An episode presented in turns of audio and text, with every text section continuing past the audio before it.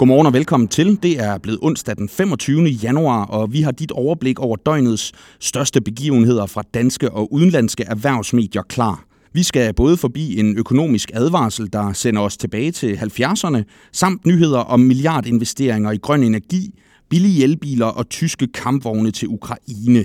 Jeg hedder Frederik Vincent. Velkommen til Morgenbriefing. På forsiden af børsen i dag kan du læse, at økonomiprofessor fra Copenhagen Business School, Jesper Rangvid, han advarer om, at den nuværende inflationskrise kan ende med at blive lige så alvorlig som krisen i 1970'erne. Det fortæller økonomiprofessoren, efter han har sammenlignet den nuværende inflationskrise i USA med tiden i 70'erne, og lighederne er slående, lyder det. 5-6 år med stabil inflation, og derefter to år med tårnhøje prisstigninger. Nu er problemet bare, at inflationen har bidt sig langt bedre fast end i 70'erne, og det skyldes særligt, at pengepolitikken har været langsom i forhold til at få strammet op, fortæller Rangvid. Det er bekymrende, hvor bredt funderet inflationen er blevet, og derfor er det meget vigtigt, at renten ikke bliver sænket for tidligt, siger han til avisen.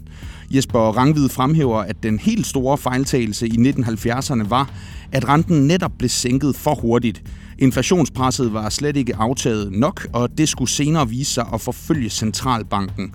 Og du kan læse hele interviewet med Jesper Rangvid i dagens børsen. Planerne om at bygge en energipark til 60 milliarder kroner i Vestjylland ved navn Megaton får flere danske pensionskasser op af stolen, kan du læse på Finansforside i dag. Pensionskæmperne har et øh, fælles mål om at investere yderligere godt 200 milliarder kroner i grønne tiltag frem mod 2030, og flere af selskaberne ser den nye energipark som en attraktiv investeringsmulighed, lyder det over for Finans. Tom Wille Jensen, der er underdirektør i brancheorganisationen Forsikring og Pension, han fortæller, at pensionsselskaberne altid skal gå efter investeringen med størst mulig afkast, men han ser meget gerne, at danskernes opsparing er med til at skabe grøn omstilling i Danmark. Hvis pensionsselskaberne skal være med, så skal det op i stor skala, og det er netop det, man får med energiparker som denne. Derfor kan det blive utrolig interessant, siger han til Finans.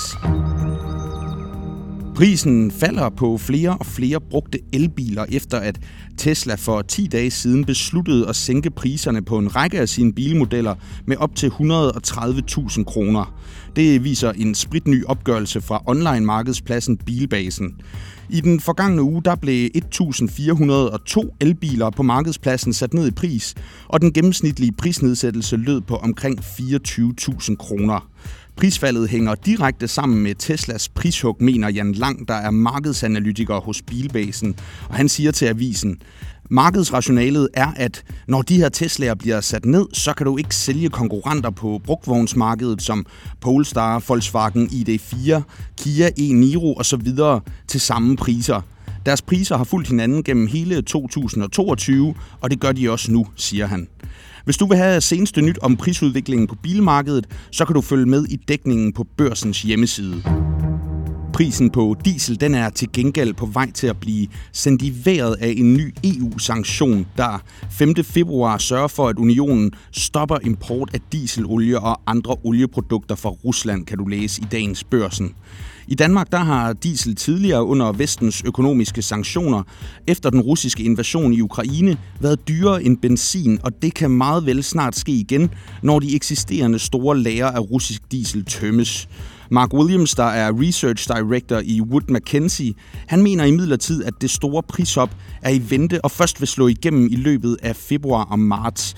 Der venter de en stigning på 470 procent i forhold til gennemsnitsprisen i 2021 inden den russiske invasion af Ukraine. Få detaljerne om importforbuddet og dieselpriserne på borsen.dk.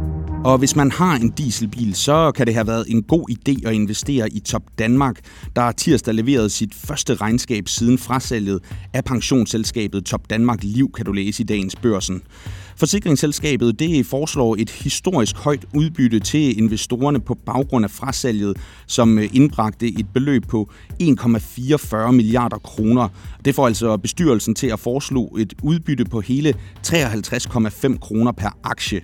I årets sidste tre måneder, der har leveret forsikringskoncernen et investeringsafkast på 78 millioner kroner, men samlet så var det altså ikke nok til at godtgøre for tabene resten af året. Du kan læse mere om Top Danmark selskabet på borsen.dk. Så kom det frem tirsdag, at Tyskland vil sende kampvogne af modellen Leopard 2 til Ukraine i kampen mod den russiske invasion, og det kan du blandt andet læse hos Financial Times. Beslutningen det er en uvending fra den tyske kansler Olaf Scholz, der længe har været tilbageholdende med at sende tungt materiel til Ukraine, af frygten for, at støtten vil kunne eskalere en konflikt mellem Rusland og NATO, skriver mediet. Argumentet fra Scholz det har også været, at Tyskland altså ikke vil gå enegang på området, og nu har Berlin samtidig også givet grønt lys til, at Polen kan sende leopardkampvogne mod Ukraine, mens talspersoner fra den amerikanske regering fortæller avisen, at USA også overvejer at sende flere af sine Abrams-tanks til det krigsramte land. Verdens atomkraftværker bliver i øjeblikket presset til bristepunktet, kan du læse hos erhvervsmediet Bloomberg. Det er det voksende energibehov og nationale mål om at anvende klimaneutral energi, der får flere af verdens lande som USA, Kina samt EU til at forlænge levetiden på atomkraftværker, der ellers skulle have været udtjent i slutningen af årtiet. De seneste år der har der ellers været skarp modstand mod atomkraft, og det har fået flere lande til at lukke ned for værker tidligt i deres levetid, og der er kun meget få nye atomkraftværker planlagt globalt, skriver mediet. Flere analytikere de påpeger, at der er en sikkerhedsrisiko forbundet med at lade gamle kraftværker fortsætte med at producere strøm, men at regeringer samtidig kun har få andre udveje, hvis man vil mætte energibehovet og samtidig forsøge at leve op til klimamål, og det skriver altså Bloomberg. De amerikanske aktier de svingede tirsdag tæt omkring nullet, og de endte handelen med en meget lille pil nedad på en tung regnskabsdag. Det brede S&P 500-indeks faldt i alt 0,1 procent, mens Dow Jones gik op med 0,3 procent, og Nasdaq også gik tilbage med 0,3 procent. De amerikanske aktier er ellers kommet godt fra start i 2023 med et plus på 4,5 procent siden nytår, og onsdag ventes endnu flere regnskaber, især fra teknologisektoren. Herhjemme var de amerikanske regnskaber også i fokus, og flere skuffende indtjeningsprognoser for 2024 fra de amerikanske selskaber ramte markedet hårdt. Derfor endte C25-indekset tirsdagens handel med et tab på 0,52 procent. Få detaljerne og dit aktieoverblik på Borsen.dk Investor. Du skal heller ikke snydes for et lille skud stor bededag i dag. Den nye regeringsforslag om at sløjfe den danske helligdag, den har mildest talt fyldt i medierne de seneste uger, hvor regeringen har fået skarp kritik af blandt andet oppositionspartier og fagbevægelse. Nu er lovforslaget om at afskaffe stor bededag altså blevet fremsat tirsdag, og det betyder, at det inden for få uger vil stå klart, om danskerne fra næste år må undvære en fast årlig helligdag. Det begyndte som et spørgsmål om at skaffe midlertidig finansiering til forsvaret, men siden der kom det frem, at der er brug for et varigt løft af forsvarsudgifterne, som Stor Bededag forslaget ikke i sig selv kan lukke.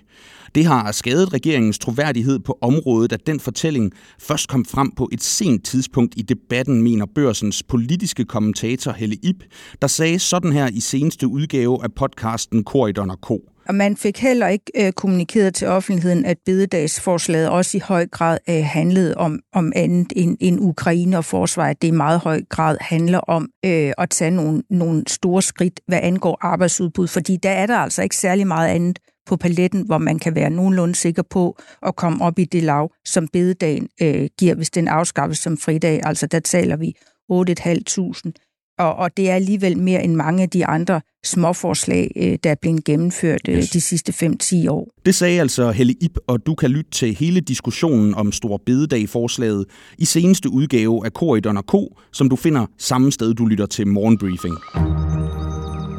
Det var alt, vi havde til dig for i dag. Tusind tak for at lytte med. Vi vender tilbage med flere erhvervshistorier i morgen torsdag. Indtil da, så ønsker jeg dig en helt kanon onsdag.